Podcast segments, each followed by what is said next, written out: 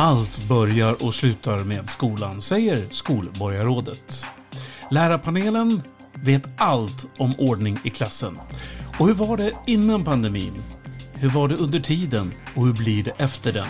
Välkomna till Skolpodden i Stockholm.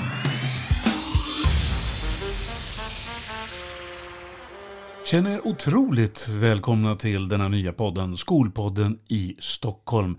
Jag heter Björn Fridlund som kommer vara ert sällskap tillsammans med spännande gäster.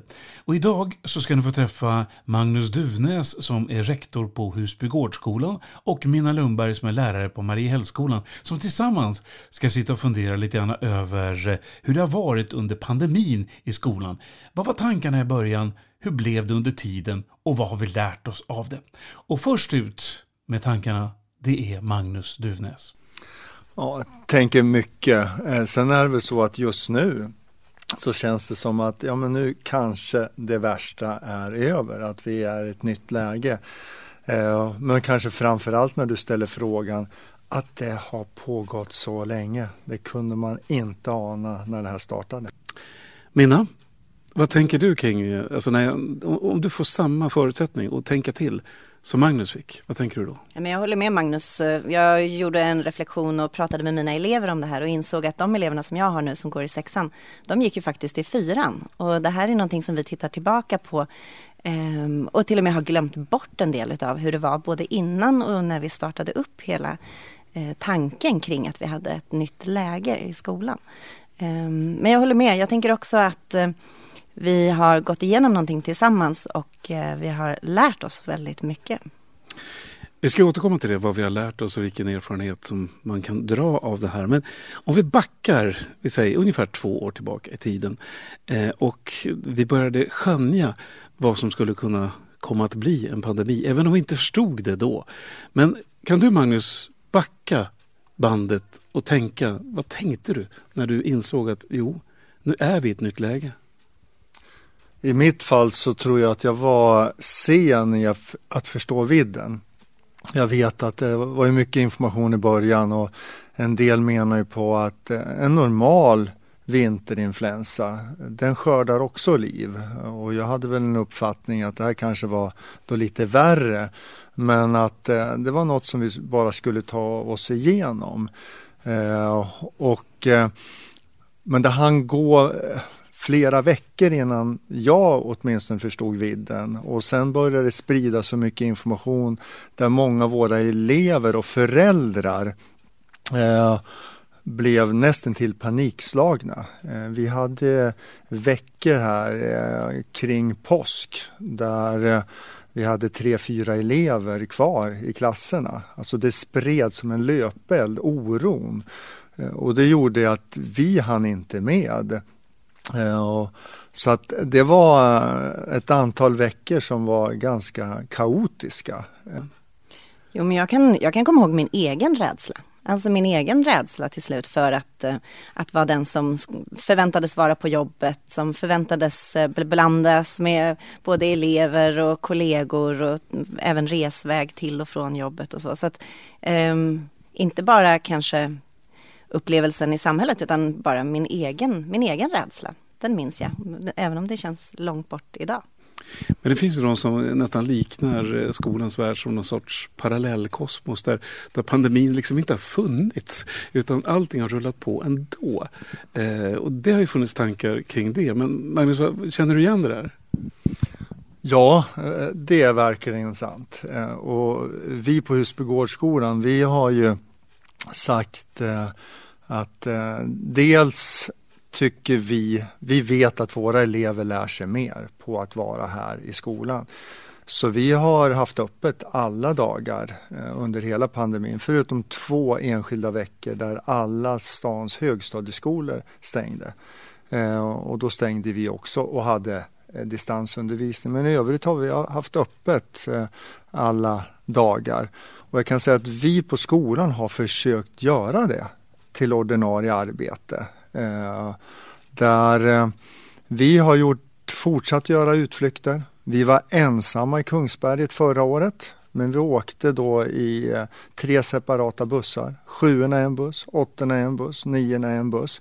Det fanns inte någon annan skola där. Eh, så vi har så långt som möjligt försökt ha våra traditioner. Men kan du se den sociala vinsten i det här? Att ni valde den vägen? Mm. Ja, jag tycker det. Och jag tror att väldigt många av våra medarbetare kan känna att det har varit på ett sätt två vanliga år. Förutom det här att vi som skola, och det är väl någonting som det kan bekymra mig även nu, att för att vi ska lyckas med vårt uppdrag, vårt kompensatoriska uppdrag, då behöver vi jobba väldigt tajt och bra tillsammans som hel skola. Och vi har inte träffats som hel skola under de här två åren. Alltså stora samlingar med personal har ju inte varit läge för utan det har ju då skett digitalt men det är något helt annat.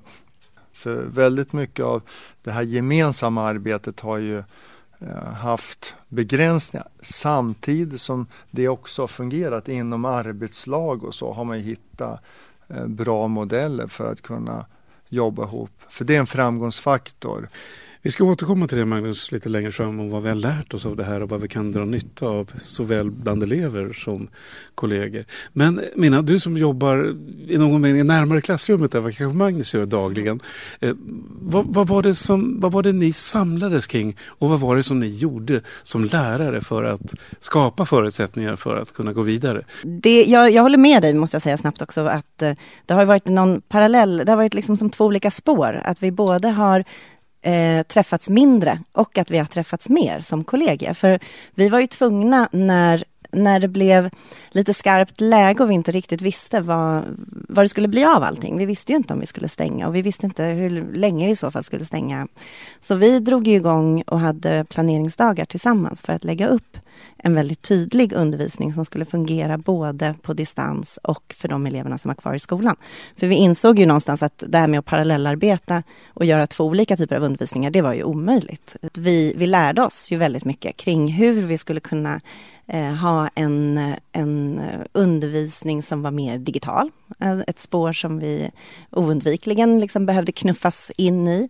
Och eh, vi har, det har vi liksom lärt oss mycket av. Sen kanske det inte fungerade rakt igenom. Eh, jag tänker på eleverna sa när vi tittade tillbaka på det och tänkte lite grann så, så var de ju inte jättenöjda till exempel när vi skrev ut papper med länkar som vi förväntade oss att de skulle följa. Och, eh, men sen blev vi ju grymma på det här med QR-koder istället och vi hittade liksom olika sätt. Men båda ni har ju varit inne nu på digitaliseringen. Du nosade lite grann på det, mm. Men alltså utifrån vad ni vet om respektive skolor. Eh, finns det olika förutsättningar när det gäller just den delen? Mariehällsskolan har det ganska väl förspänt vad det gäller digitala enheter och även eh, digitaliseringstanken, och, om man så vill kalla det.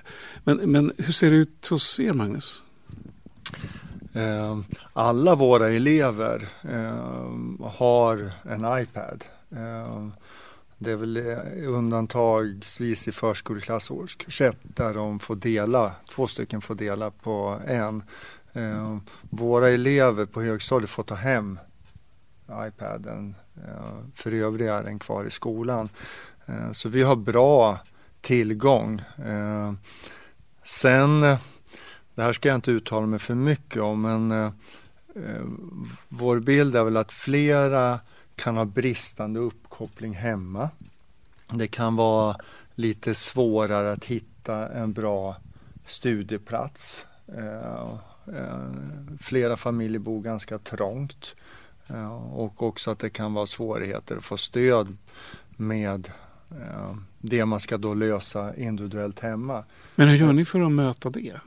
Ja, under de här två veckorna som eh, vi erbjöd eh, och sa till familjer som behövde eh, inte första veckan, det missade men inför sportlovet där, om man ville ha uppkoppling, om man eh, behövde bättre uppkoppling kunde man höra av sig till oss. Vi tar ju aldrig hem, eller eleverna tar aldrig hem sina iPads. Det är ju väldigt strikt att de ska stanna i skolan, inte, liksom, inte ens vid undantagsfall. Och så helt plötsligt så skulle de här iPadsen hem då och då visste man ju heller inte riktigt vilka, alltså det, var, det kunde vara ett barn som insjuknade och sen då skulle behöva komma och hämta sina iPads. Så vi hade ju olika listor då på hur vi skulle checka ut de här och så skulle det då också checkas ut laddare. Det var ju lite av, av en cirkus, det, ja, det ja, måste ja, vi ju ändå säga. Jag tänker nu när man, det känns som att det är så avlägset men det dyker upp minnen och jag minns ju då vid första distanstillfället Alltså får vi ens möta eleverna? Får de komma hit och hämta? Alltså hela, de skulle gå in i en eh, ingång och gå ut i en annan. Alltså det har ju varit så många diskussioner i att tänka nytt. Ni nosar lite grann på det som vi ska hoppa över till nu. Det är lite grann när vi tittar bakåt, vad är det vi har lärt oss? Vad kan vi ta med oss in i framtiden? Vad är det för någonting som var bra? Ja, men jag tänker på samarbete. Jag tycker att vi eh, har gjort ett eh, jättebra jobb tillsammans.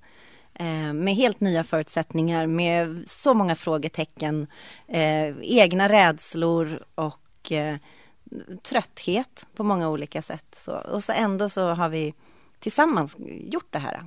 Det är intressant att höra dig säga de här sakerna för det, jag vet att, och det kan ju vara läge, vi gjorde en utvärdering i juni med liknande fråga. Alltså vad kan vi ta med oss? För då trodde vi nog att det var slut, alltså förra juni. Men jag tror att vi ska göra motsvarande övning igen. Eh, samtidigt som jag tror att vi också kanske värdesätter i ännu högre grad det vi inte har kunnat göra.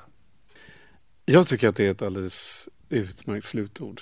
Tack så jättemycket Magnus Duvnäs, rektor på Husbygårdsskolan för att du tog dig tid att vara med i Skolpodden i Stockholm. Trevligt, kul. Jag riktar mig naturligtvis med samma ord till dig Minna Lundberg som är mellanstadielärare på Mariehällsskolan och tack så jättemycket för att du tog dig tid att följa med hit till Husbygårdsskolan och sitta och samtala med Magnus. Tack ska du ha. Tack. Spännande tankar där tycker jag ifrån Magnus Duvnäs, rektor på Husbygårdsskolan och Minna Lundberg, mellanstadielärare på Mariehällsskolan.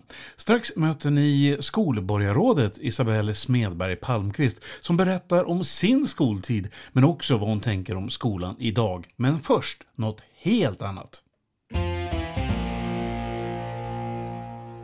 Ja, hörni, nu är det ju så här att i den här podden som heter Skolpodden i Stockholm så har vi ju varje gång en eh, panel, en, eh, om man nu vill kalla det för en skolpanel eller lärarpanel, det spelar ju mindre roll. Men det är en panel som tycker väldigt mycket och de tycker rejält. Det är i alla fall den förväntan som vi har på den här panelen som består av eh, Fredrik Bring, från eh, Solbergaskolan. Och så har vi Anna Rydberg från Husbygårdsskolan och Anna Bergqvist från Blackebergs gymnasium. Och det ni har gemensamt, det är ju att ni är årets lärare på olika sätt. Vad i hela friden är det som gör att just ni har fått det, de utmärkelserna? Om vi börjar med dig Fredrik. Eh, ja, jag, sk jag, skulle vilja säga att eh, jag har jobbat ganska länge som lärare nu och eh, har en väldigt positiv stämning i klassrummet. Och det jag började utveckla, jag vet inte om det var därför jag fick eh, utmärkelsen, men var ju att jag började föra in drama i undervisningen också. Och eh, eleverna får hela tiden dramatisera om det är Gustav Vasa eller vad det nu kan vara. Eh, och jag har en hel hög med kläder som de får sätta på sig och annat. Och eh, jag tror att eleverna känner en väldig energi Eh, är det så att du går och när en skådespelardröm och att du liksom använder eleverna för att leva ut det här? Är det så? Måste jag svara? Ja, det måste ja, du. Eh, det, det, det, känns lång väg att det är på det sättet. He, helt ärligt så är det kanske, nej, både och. Ja, alltså jag gick lite drama på gymnasiet. Så jag, någonstans har jag gillat det här. Det förstod vi alla runt ja. bordet, att det var precis på det sättet. Exakt. Då har vi två åtminstone som har den där drömmen. Vi går vidare till nästa Anna då. Anna ifrån eh, Husbygårdsskolan. Eh, ja, kan det vara lång och trogen tjänst? Nej, jag tror jag fick det för förhållningssätt i klassrummet, kontakt med elever och föräldrar. Men vad är typiskt för dig då, när du säger förhållningssätt? Vad är det? Fredrik kan eh, skådespela det. ja, det är inte jag kan jag säga. Mer kanske att man ser, försöker se varje elev varje dag så att de vet att de är välkomna och vet varför de är där. Det är så viktigt det där att de blir sedda. Ja. Varför är det så svårt? Där, att se dem? Ja. Eller, ja. ja, du har ju glasögon, det har jag med. Men, men, men om vi bortser från det. Ja, men det handlar väl om tid. Ja. Och att eh, olika elever tar olika mycket tid. Så det gäller att kunna fördela. Brukar du hitta får- den där tiden? Ja, jag tror faktiskt att jag gör Ja. det. Jag Välkommen nu. hit! Tack. Och så nästa Anna då. Ja, eh, i, min, i motiveringen så stod det att, det, eh, att jag fick den eh, därför att jag levandegjorde något. Jag jobbar ju på gymnasiet. Eh, och eh, jag fick det här, eh, den här utmärkelsen förra året efter ett eh, år eh, i pandemi med distansundervisning där jag eh, kämpade rätt hårt för att eh, kompensera för allt sånt som eleverna inte fick, som de kanske normalt sett får i ett klassrum, till exempel dramatiseringar.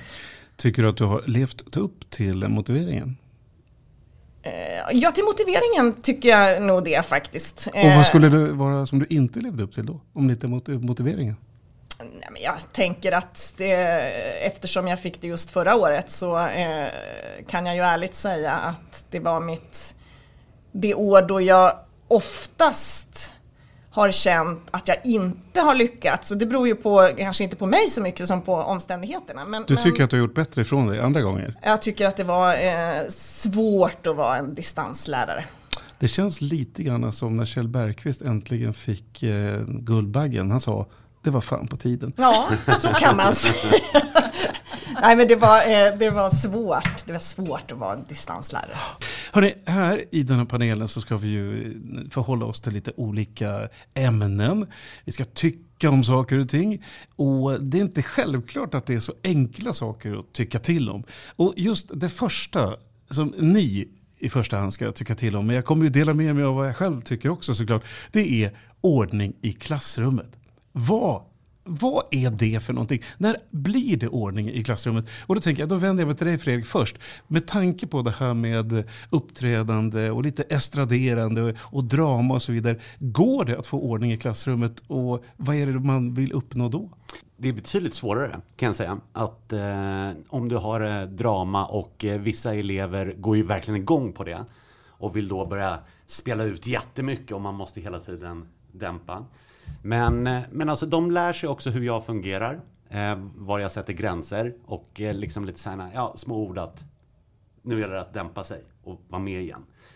Eh, men eh, men det, det kan ju vara en utmaning helt klart eh, just när man kör drama. Det är lättare när jag inte gör det. Mycket lättare att hålla en ordning. När alla sitter bara på sina platser, stilla. Jag berättar någonting eller något. Eh, Men vad tror du, är det, är det den ordningen som man pratar om när man pratar om ordning i klassrummet? Vad, vad, vad säger du? Anna R, får jag lov att säga då. Ordning, jag vet inte. Jag...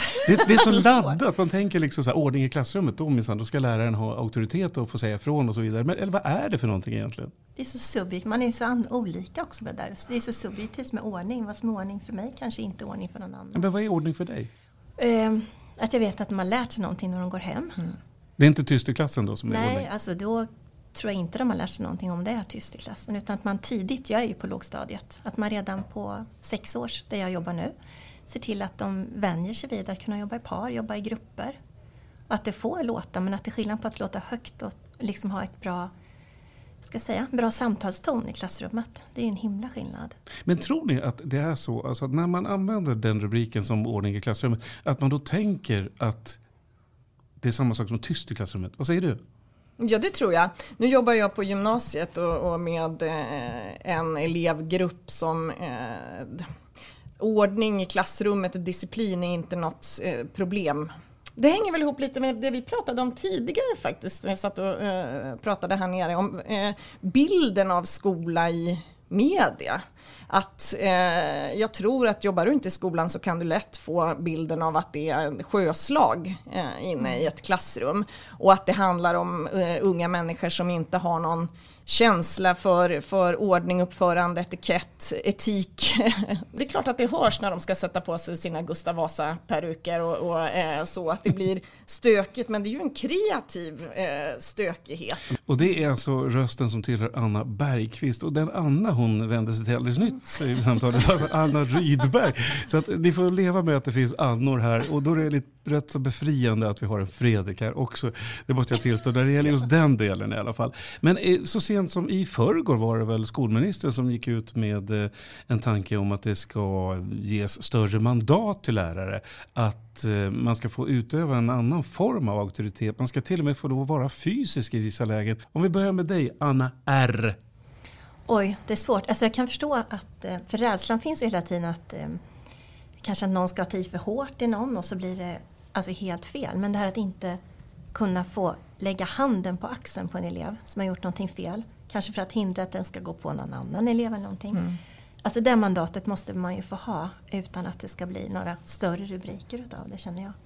Jag håller med här helt och hållet. För jag vet på vår skola så har många varit just rädda. Vad får jag göra överhuvudtaget? Får jag röra en elev? Mm. Så jag tror någonstans att det här är en bra signal. För reaktionerna på sociala medier lät ju, lät ju inte vänta på sig. Eh, därför att det kommer ju direkt alltså att ja, det är dags att det blir ordning i svenska klassrum och bla bla bla. Allt det här som alltid kommer. Och då, då vänder jag på dig Anna, du som var lite kritisk mot mediebilden som man ger. Och är det inte det som är ett jättestort problem? Därför att vi kan inte förhålla oss riktigt till verkligheten som kallas skola. Ja, jag tycker det. Sen håller jag med er helt och hållet att det är klart att vi ska ha eh, rättigheter. Det måste finnas ett sådant eh, mandat. Men jag, jag tänker att eh, här finns också risken för politiska utspel, att man, man rider eh, som, som politiker på den här rädslan för att det inte finns någon ordning i skolan överhuvudtaget. Eh, jag kommer ihåg för eh, ett antal år sedan så kom det, eh, det var på, på Björklunds tid, att vi sk lärarna skulle ha rätt att ta ifrån eleverna mobiltelefoner. Eh, och då skapar ju det en bild av att elever överhuvudtaget inte släpper ifrån sig sin mobiltelefon och att, mm. eh, att det skulle behövas att jag fysiskt går och plockar dem.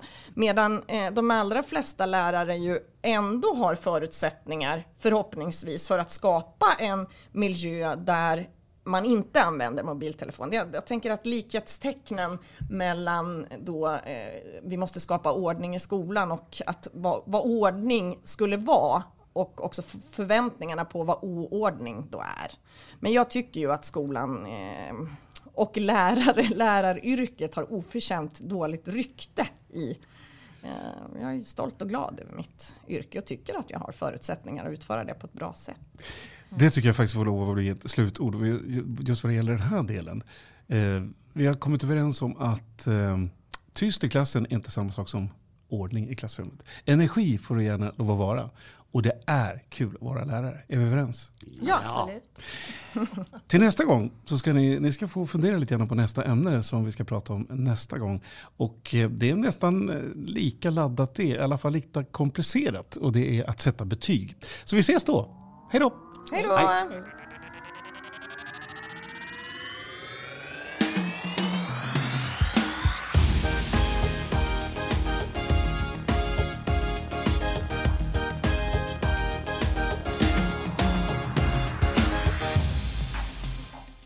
Isabelle Smedberg Palmqvist, skolborgarråd i eh, huvudstaden mm. Stockholm. Det låter stort. Är det stort? Ja, men det måste man väl säga att det är. Det är ett förtroendeuppdrag som jag som eh, liberal, skol, liberal politiker och liberal i själ och hjärta eh, naturligtvis tycker att det är det finaste man kan vara. Eh, skolfrågor har jag arbetat med väldigt länge eh, politiskt men också som förälder och, och varit elev länge då, som många av oss som har lite mer långa, långa studier bakom oss naturligtvis. Eh, så i skolan, det är ju, allting börjar och slutar med, med skolan, så tänker jag. Du är ju premiärgäst mm. i just den delen av podden som heter Min skoltid. Vad tänker du när du själv tänker min skoltid? Jag tänker nog på två saker. Dels att, att det naturligtvis det är den viktiga, alltså, en skoltid är ju den viktigaste delen i ens eh, barndom naturligtvis och betyder ju jättemycket för vem jag är idag. De lärare och de eh, sammanhang man var i skolan har ju naturligtvis påverkat mig för den jag är idag. Men också att det var mycket tufft att gå i skolan. Det var, eh, det var ingenting som var liksom alltid givet om vilken väg man skulle gå och så vidare. Så att Ja, man kan nog både se, och ja, därför har jag väldigt stor respekt både för läraryrket och som elev. Att, att det är en sån otroligt viktig del i livet när man går... Alltså skol, skolan är en, en så otroligt viktig del och formar ju en. Men kommer du själv ihåg, tänkte du då att det var viktigt eller vem var du där och då? Nej, men det tror jag inte. Alltså, det är väl först i efterhand man förstår vikten av sin skolgång. Eh, och det är väl därför jag idag tycker att det är så oerhört viktigt att fånga upp elever som kanske har det svårt tidigt. Eller också peppa de elever som det går bra för tidigt. Vad hade du själv för favoritämne? Eh, absolut svenska. Eh, det svenska språket tyckte jag var rätt kul. Eh, men också samhällsvetenskap och, och historia, sådana ämnen var ju mina favoritämnen. Då ser man också i mina betyg, för det var där jag presterade bra. Eh, men känns det som att du fortfarande brinner för just de delarna i, i politiken också? Så att säga? Det som har med det att göra? Ja, men jag tror att det många av oss som är politiker idag har ju en bakgrund. Jag är ju själv jurist, men, och det är ingen ovanlig bakgrund kan jag säga. Vilka skolor gick du i? Gick du i samma skola från första klass till nian? Mm, det gjorde jag. Jag gick, eller jag gick samma klass från första klass, eller första klass till nian. Jag är född och uppvuxen i Södertälje i ett eh, ganska klassiskt villaområde med en skola som låg precis intill. Och eh, vi var en klass som, som gick i, vi var samma klass som gick från första klass till nionde. Så när vi bytte från hög, eh, mellanstadiet till högstadiet, då följde vår lärare med oss från eh, mellanstadiet till högstadiet. Och vi var i alltså, samma klass. Vilken fantastisk... Alltså det måste ha varit helt otroligt. Ja, det, det var väldigt betydelsefullt. Men med det sagt också utmaningar. För den man var i både låg och mellanstadiet fick man fortsätta vara i högstadiet. Det kan jag ju se idag att, att eh, när man eh, splittrar klasser och, och arbetar med lite olika grupperingar och sådär så får man ju också elever som, som kanske från början var blyga att bli lite mera tuffa och våga ta för sig och tvärtom elever som kanske tar för sig väldigt mycket också får komma i andra sammanhang och prövas mot andra elever. Jag tror att om jag skulle få välja idag så skulle jag inte valt den vägen. Jag kan förstå det, därför att jag möter också elever som just nästan känner det som en befrielse när mm. man slutar sexan mm. och ser chansen att som mm. idag man kan välja mm. olika skolor. Det är, det är, mm. inte givet att du går till ett och samma mm. spår. Utan jag brukar ofta råda att nej men, sök dig till ett annat ställe. Du hittar nya kompisar. Men man är fortfarande lite rädd för att oh, jag vill ha kvar mina gamla. Men det händer så mycket just mm. under den, de åren. Och det är ju svårt att, att, förstå själv som, som elev när man går i sjätte klass att det skulle vara bra för mig och mm. min utveckling. Det har man ju ingen aning om. Utan då handlar det bara om att komma med rätt kompisar och sådär. Vad tänker du kring eh, lärare som du har haft? Eh, finns det någon som, eller några som har gjort ett större intryck på dig som har betytt mycket för dig till ja, den du är idag? Det är klart jag har flera lärare som jag tänker tillbaka på. Både de som jag var, tyckte var helt fantastiska och de som jag tyckte kanske var eh, svårare att hantera. Eh, jag var redan då en, en tjej med mycket åsikter och det var, jag var elevrådsordförande och hade mycket synpunkter och kunde eh, gå in på till rektorsexpedition och tycka att det skulle, eh, någonting skulle förändras eller var någon som var orättvist behandlad och sådär som jag tyckte försökte styra upp det där. Så jag var nog inte alltid enkel att ha med att göra. Men eh, det är klart, jag hade lärare som trodde på mig och det har ju naturligtvis påverkat mig till att våga.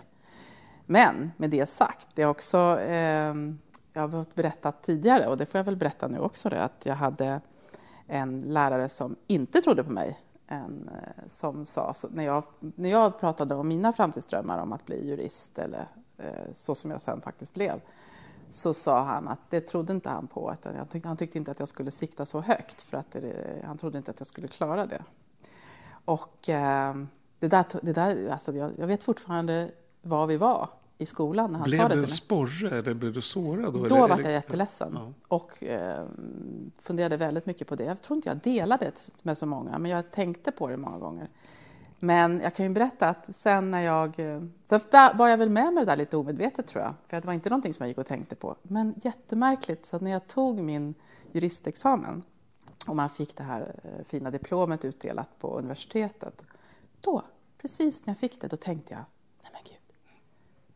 Då sa jag, jag har sagt det förut, jag får väl säga det här även om det är ett svärord. Jag sa, gubbjävel, där fick du. Och det blir ju som en revansch. Ja. jag ser ju på det nu när du berättar mm. det här så det, det någon ja, ja, ja, visst. Ja, men det kom, alltså. ja, men det kom verkligen så. Och då, alltså med det sagt, så blir man också medveten om vad, hur viktig läraren är. Mm. Eh, I det här fallet så vart det, fick det en annan effekt kanske än vad han hade avsett. Men, eh, och det tänker jag ofta på. Även när jag är ute på besök. Så sent som igår så var jag på en skola och mötte en tjej som, som eh, gjorde ett räknetal på hon gick i tredje, tredje eh, årskursen på gymnasiet. Och så gjorde hon ett mattetal som eh, jättekvalificerat. Eh, och hon berättade hur hon hade tänkt och sådär. Och, och, och, jag stod och tittade på det och sen vart det, jag hade pratat med rektorn en stund och sådär och så skulle jag precis gå.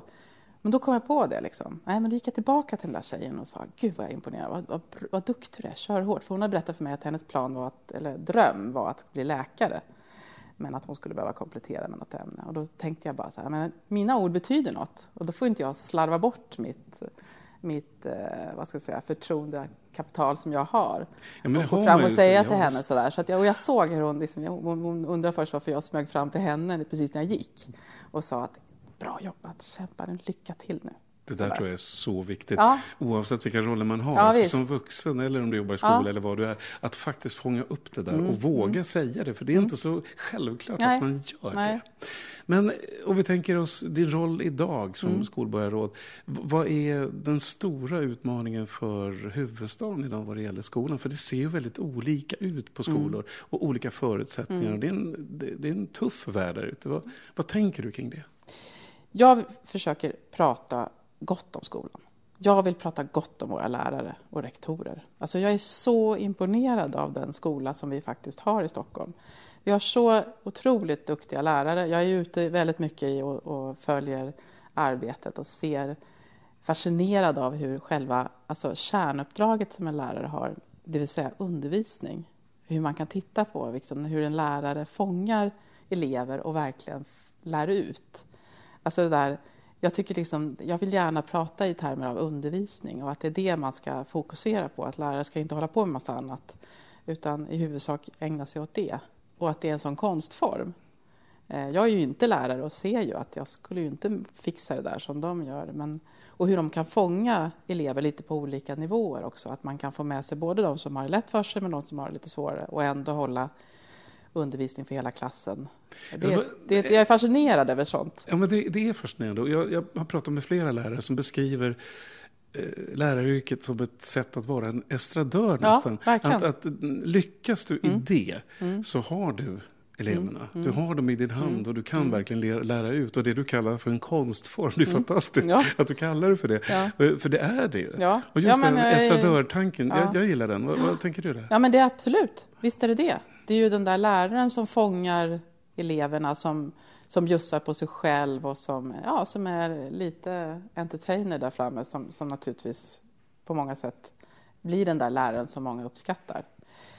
Jag är ju ute som sagt var mycket och jag är inte minst ute på Järva där, där vi har gjort stora insatser och verkligen eh, tagit stora steg när det gäller kunskapsutvecklingen och inte minst resultaten och det är ju någonting som jag gärna pratar om.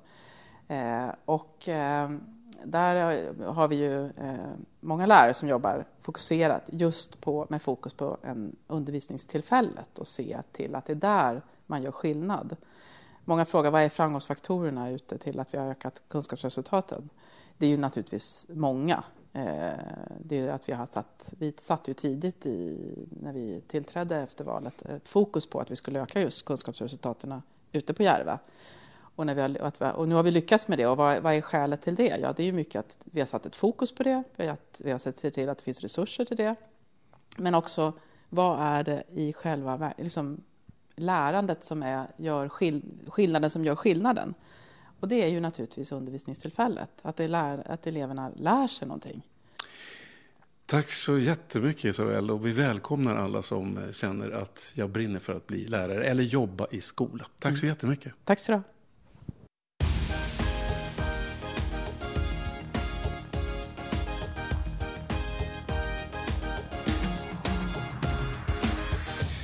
Det råder ingen som helst tvekan. Det är jättekul att jobba i skolan och det är underbart att vara lärare.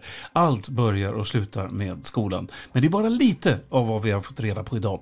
Vi hörs snart igen i Skolpodden i Stockholm. Jag heter Björn Fridlund. Ha det så gott. Hej då!